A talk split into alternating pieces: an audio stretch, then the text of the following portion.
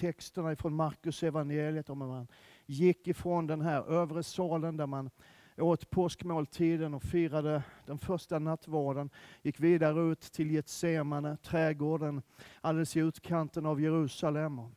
Och Jesus bad och kämpade och, och tyckte det var lite jobbigt att bära på din och min synd. eh, och liksom, vi stannade där då. Sen så hade vi, vi Eh, på långfredagen gudstjänst när vi talar om vad Jesus gjorde på korset och vad det betyder att Jesus har dött på korset. Aron och Evelina delade på en predikan. var superbra. Kommer snart på vår podcast så fort, fort vi har fått igång podcasten igen.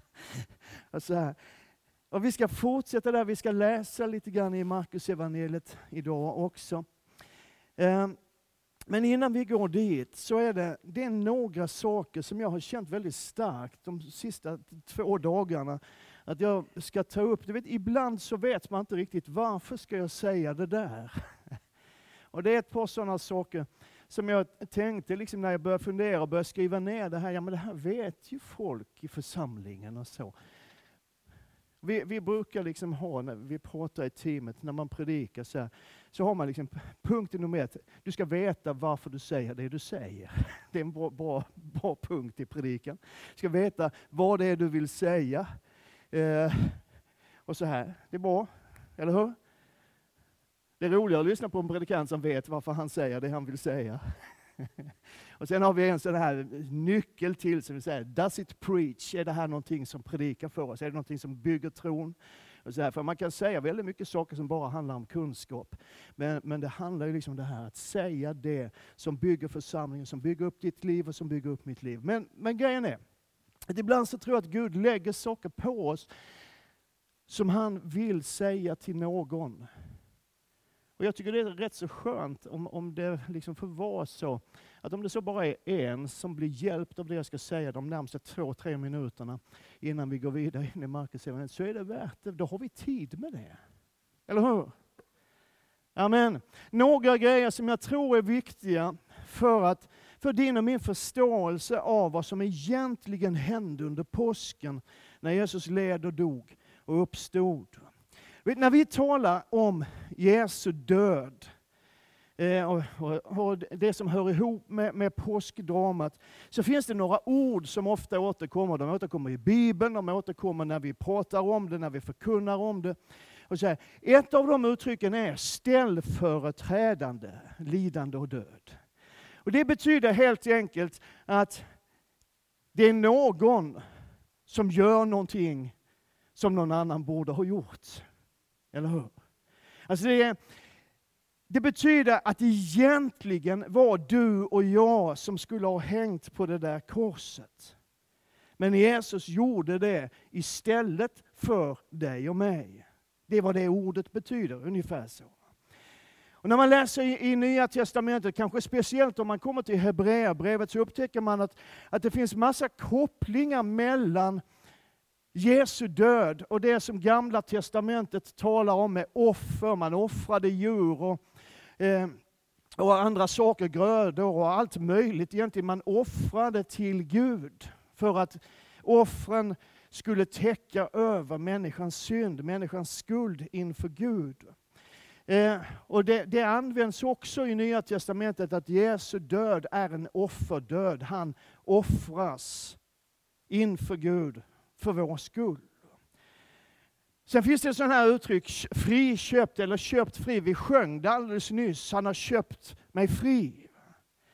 Och Det handlar ju om att det är någon som har betalat ett pris för din och min frihet. För din och min räddning. Det fanns liksom en prislapp på det och någon gick in och betalade den. Och så talar vi om att Jesus har tagit straffet för våra synder och det, det är ju liksom hämtat ifrån domstolsväsendet att det finns ett brott som har blivit begånget, det finns ett straff som döms ut. Men i det här fallet så är det någon annan som avtjänar det straffet. Och så finns det ett uttryck som, som mest vi predikanter använder oss av, tror jag, försoning. Vad handlar det om? Det handlar om två parter som har fått mer än en fnurra på tråden. De har blivit fiender. Och när försoning sker så är det att det här som håller de två parterna isär, det röjs undan. Och när man tar alla de här uttrycken och funderar lite grann över dem, så kan en fråga dyka upp. Vilka är de olika parterna?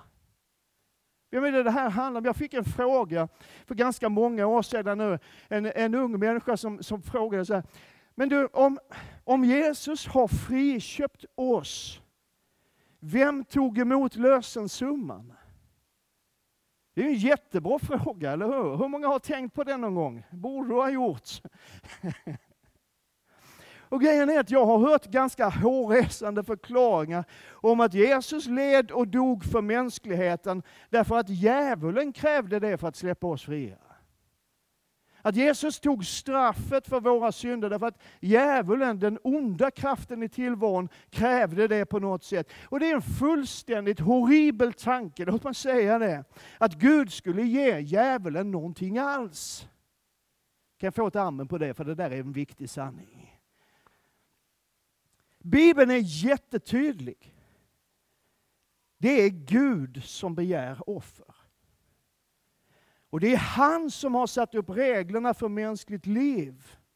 Och det är han som har fastställt straffet för den som bryter mot reglerna som han har satt upp. Du vet, djävulen är inte vår domare, han är möjligen ibland i rollen som åklagare, men det är Gud som är domaren. Och fiendskapen som existerade, som behövde försonas, var mellan oss och Gud. Paulus skriver i Romarbrevet 5 att vi som var Guds fiender blev försonade med honom genom hans sons död. Så offret gick till Gud och lösensumman gick till Gud. Och domen över synden var fastställd av Gud. Och det var relationen mellan oss och Gud som behövde försoning. Vi var fiender till Gud och synden i oss hade väckt Guds vrede. Och nu vet jag att det här är svårt för många. Tycker att det här är jobbigt att höra. Och också teologer liksom långt in i den frikyrkliga myllan har svårt med det här. Tanken på en vred Gud Tanken på en Gud som straffar syndare. Tanken på en Gud som begär offer. Och Det leder ibland till nästa ganska svåra frågeställning. Hur kan en god Gud sända sin egen son in i döden? Jag ska inte fråga hur många som har funderat på den frågan, men den är rätt viktig. Hur kan en god Gud sända sin egen son i döden. En ganska så framstående svensk teolog och predikant med rötter in i frikyrkligheten skrev för ett par år sedan, är Gud verkligen god om han är så driven av vrede och dom och straff att han låter sin egen son dö? Om han är intagen, så intagen av sin egen syn på rättfärdighet och botgöring att han låter det gå ut över sin egen son. Och man kan tänka när man hör det, liksom, men, kan man tänka. Men man kan också tänka, ja men det kanske ändå faktiskt är en berättigad fråga. Och grejen är att jag tror att vi har en tendens att snurra till det här på grund av vår extrema oförmåga att greppa och förstå treenigheten. Alltså vi har så svårt att greppa att Gud kan vara Fader, Son och helig Ande på en och samma gång. Och vår oförmåga att, att liksom greppa tag i det här, den gör att vi, även om vi vet att Gud är en och vi tror att Gud är en, ändå på något sätt i våra sinnen skapar ett system med tre gudar. Är du med mig nu? Alltså Fadern är här och Sonen är här och anden är där. Liksom. Och när synden då ska försonas och mänskligheten ska räddas, så sänder Fadern som är här, Sonen som är här, till den här världen för att lida och dö. Och sen så skickar han den heliga Ande som lite plåster på såren. Liksom. Men alltså Bibeln är kristallklar, det finns en Gud. En Gud som är Fader, Son och helig Ande. Inte tre gudar. en Gud. Och låt mig få säga det här, och jag tror jag säger detta till någon. Låt mig få säga det här så tydligt jag bara kan. Det är inte så att Gud sänder någon annan att lida och dö för våra synder. Det är Gud själv. Den enda Gud som finns. Som låter sig födas som människa i ett skjul i utkanten av Betlehem. Det är Gud själv, den enda guden som finns, som lider och dör för din och min frälsning. Det är Gud själv som är offret. Det är Gud själv som betalar priset. Det är Gud själv som är världens frälsare. Och det är Gud själv som tar straffet, det straff som han själv har slagit fast. Han gör det av ett enda skäl. Hans eviga och ovillkorliga kärlek till dig. Och vi ska komma tillbaka till det om en stund. Men det här är viktigt. Och vi behöver förstå detta. Och nu ska vi gå till Markus evangeliet. Det var en nio minuter lång inledning. Det står så här, Markus 16. När sabbaten var över köpte Maria Magdalena och Maria Jakobs mor och Salome väldoftande oljor för att gå och smörja honom. Mycket tidigt, den första veckodagen, kom de till graven när solen gick upp. De sa till varandra, vem ska rulla bort stenen från gravöppningen åt oss? Men när de lyfte blicken fick de se att stenen var bortrullad. Den var mycket stor. De gick då in i graven och såg en ung man sitta på höger sida, klädd i en lång vit dräkt, och de blev förskräckta. Men han sa till dem, var inte förskräckta. Ni söker Jesus från Nasaret, den korsfäste. Han har uppstått. Han är inte här. Se, här är platsen där de la honom. Amen. Uppståndelsens morgon, vet den här dagen som förändrade precis allting. Den dagen när livet och hoppet och framtiden återvände. Den dagen som blev den stora skillnaden för lärjungarna, för alla de här som hade satt sin tro och sitt hopp till Jesus Kristus.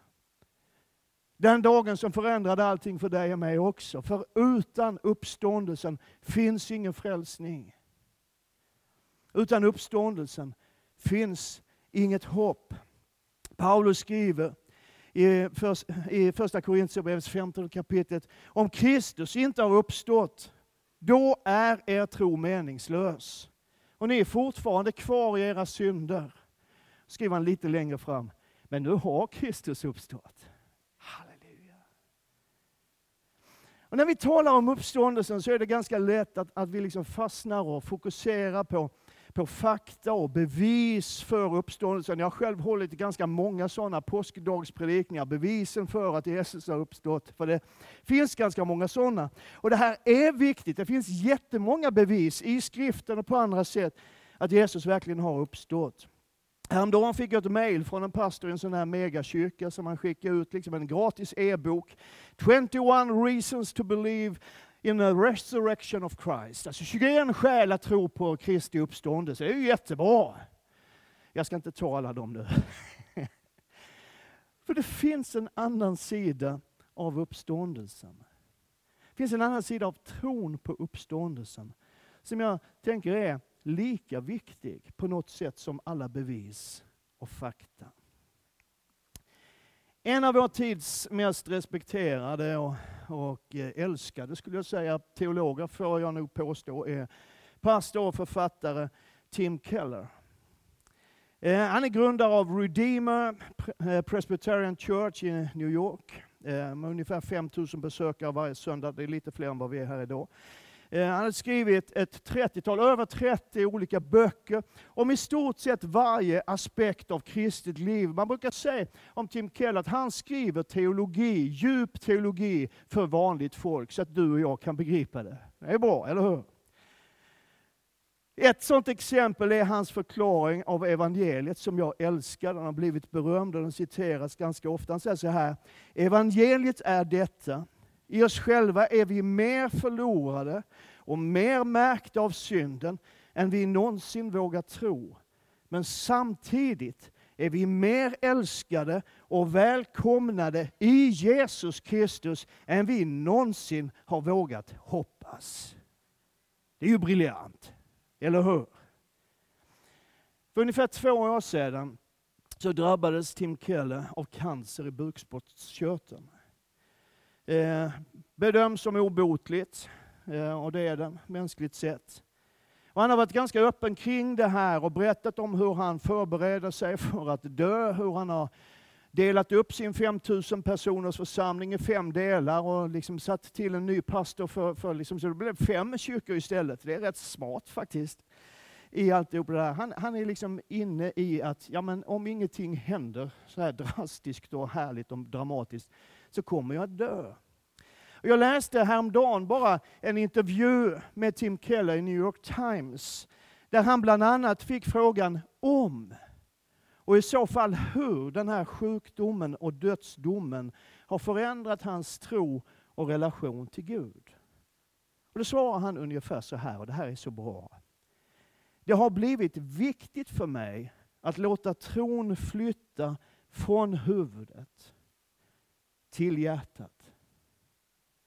Jag insåg att den erfarenhetsmässiga sidan av min tro verkligen behövde stärkas, annars skulle jag inte kunna hantera det här.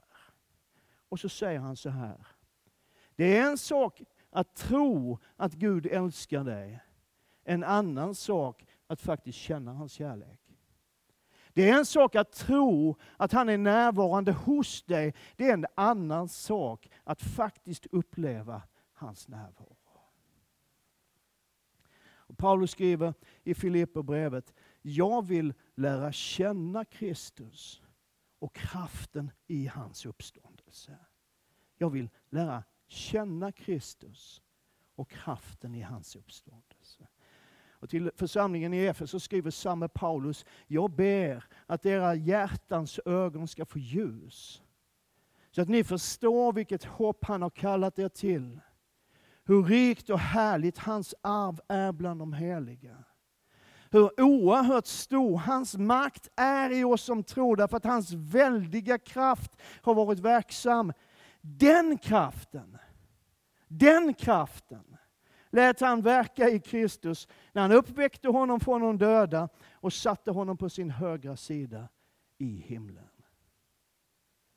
Den kraft som är verksam i oss som tror, i dig och mig som tror är samma kraft som uppväckte Jesus Kristus från de döda.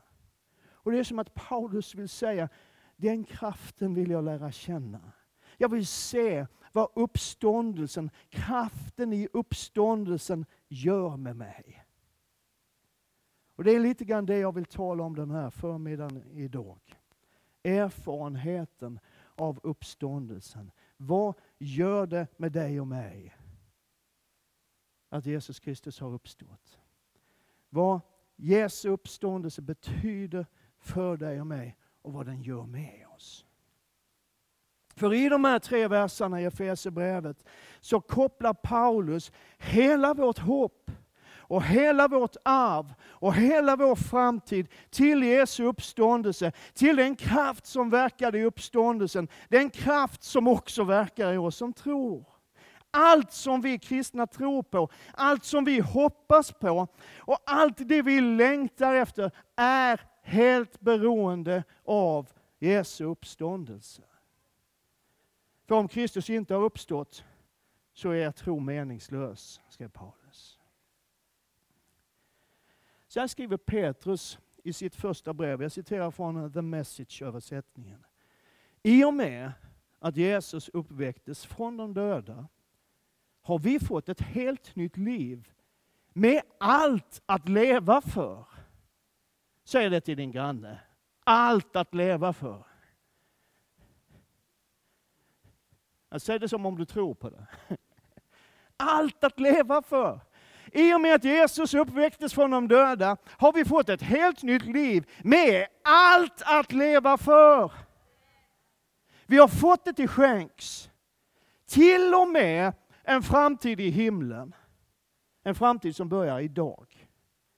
Gud håller noga vakt över oss och över framtiden. Vet, om Jesus har uppstått så tror vi, det är vår övertygelse i ena kyrkan och vad jag vet i de flesta andra kyrkor, att om Jesus verkligen har uppstått så betyder det att Gud i slutändan kommer att ställa allt till rätta. Det kommer att bli bra. Lidandet kommer att försvinna. Ondskan kommer att försvinna. Åldrandet kommer att försvinna. Halleluja Lasse, eller hur? Amen. Ja. Döden kommer att försvinna. Krigen kommer att försvinna. Om Jesus inte har uppstått så är det ganska kört. Men om det verkligen hände så finns det allt hopp i världen. Och ibland så säger vi ju, det är nästan ett ordspråk, eller det är väl ett ordspråk, liksom att hoppet är det sista som överger människan. Eller hur? Och det är ju ändå lite märkligt där med vår förmåga att hoppas och hålla fast vid hoppet. Det kan vara nästan hur illa som helst. Har du varit med om det? Alltså vi kan gå igenom omständigheter och situationer där det är i princip hur illa som helst. Men vi hoppas ändå. Vi hoppas att det ska bli bättre. Vi hoppas på förändring och vi håller fast vid det därför vi tror och tänker att någon gång, på något sätt, en dag. Det är som om vi människor bär på någonting på insidan som säger oss att det finns en framtid. Det är som vi bär på någonting inom oss som säger att det kommer att vända. Det kommer bli bra. Många av oss känner igen J.R.R. Tolkien. En författare som har skrivit ett par böcker som vissa människor har läst. Han skrev Sagan om ringen, trilogin, för dig som inte har koll. Det, det är liksom den mannen. I en av, annan av hans böcker som är mer resonerande, On Fairy Stories, så skriver han om sin förkärlek till sagans värld. Och han berättar om varför han använde sagan för att skildra kampen mellan det goda och det onda, mellan ljus och mörker och allt det så här. Och det, det är en intressant bok. Men han säger i den boken så här, att alla människor bär på en fascination över tanken på att fly undan tiden, fly undan döden, att ha gemenskap med andra och att kunna leva tillräckligt länge för att uppnå sina drömmar och att kunna hitta en kärlek som läker, tröstar och ger trygghet. Och så ställer sig tolken frågan, varför bär vi på den längtan? Och han svarar själv, som troende kristen, tolken var troende kristen. Han svarar själv att han tror att anledningen till att vi människor bär på den här fascinationen, bär på den här längtan, är att när Gud skapade oss i begynnelsen, så skapade han oss inte för att dö. Vår längtan, säger tolken, är en längtan efter det vi skapades för. Predikarboken säger att även evigheten har Gud lagt i människornas hjärtan.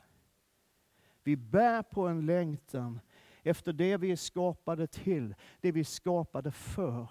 Och det hoppet, den längtan är helt beroende av Jesu uppståndelse.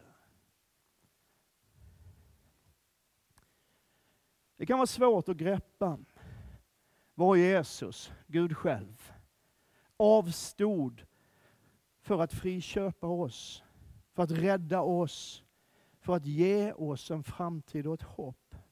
Det är svårt att greppa. Vad kostade det honom?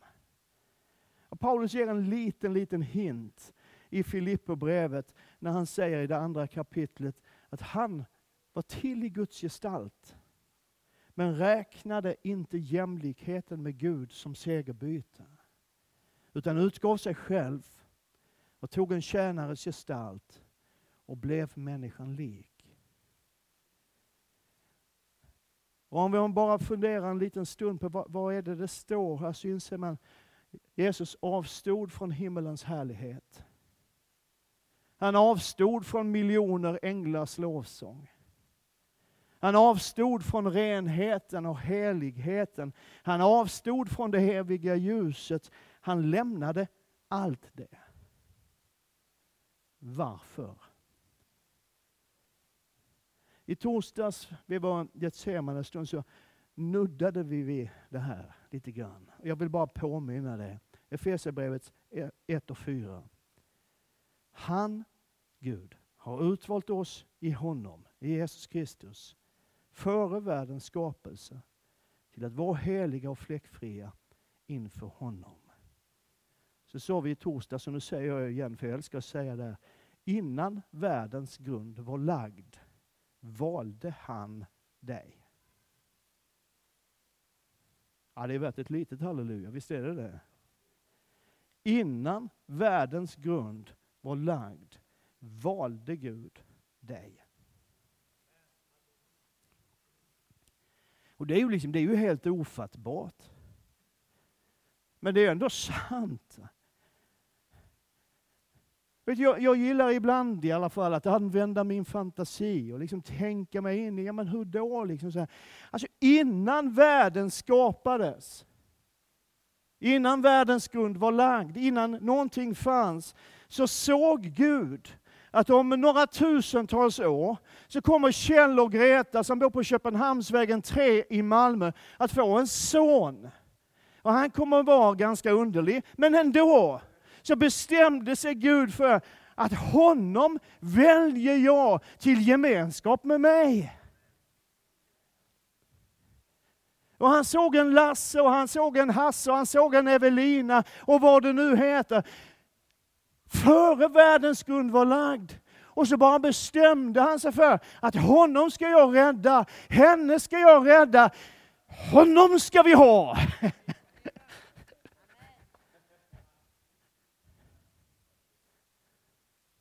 Innan någonting annat alls fanns, så fanns du i Guds hjärta. Och det här är vad det betyder. Att han, han valde dig framför himlens härlighet.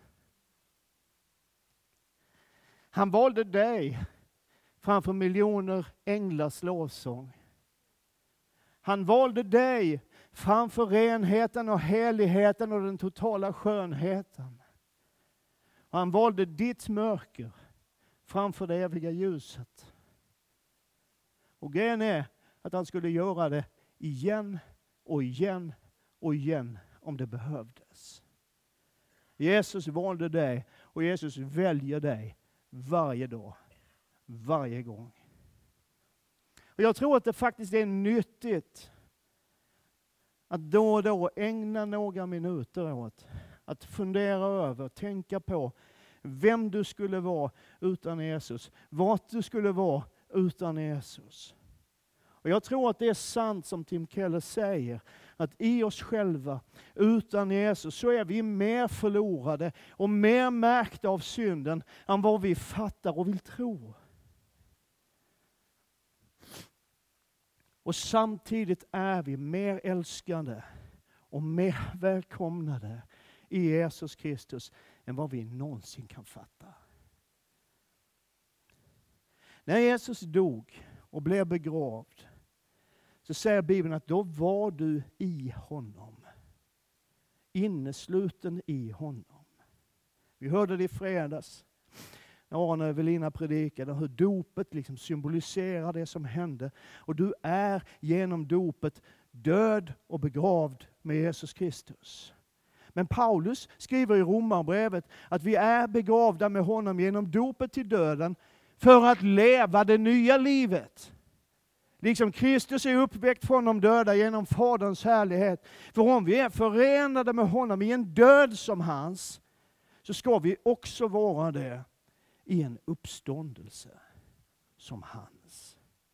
Så när Jesus uppstod så var du också i honom. Prisat vare Herrens namn. Vad var det vi läste i första Petrusbrevet? I och med att Jesus uppväcktes från de döda har vi fått ett helt nytt liv. Med allt att leva för. Vi har fått det till skänks, till och med en framtid i himlen. En framtid som börjar idag. Gud håller noga vakt över oss och över framtiden. Om Jesus har uppstått så finns det ett hopp. Om Jesus har uppstått så kan din situation förändras. Om Jesus har uppstått så kan du bli befriad från det som tynger dig. Om Jesus har uppstått så kan du bli helad till ande, kropp och själ. Om Jesus har uppstått så finns det en framtid.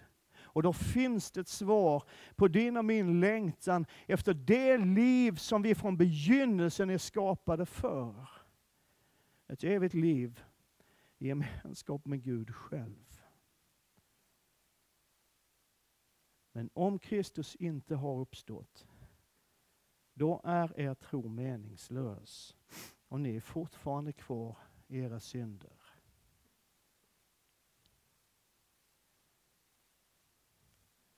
Men nu har Kristus uppstått. Amen.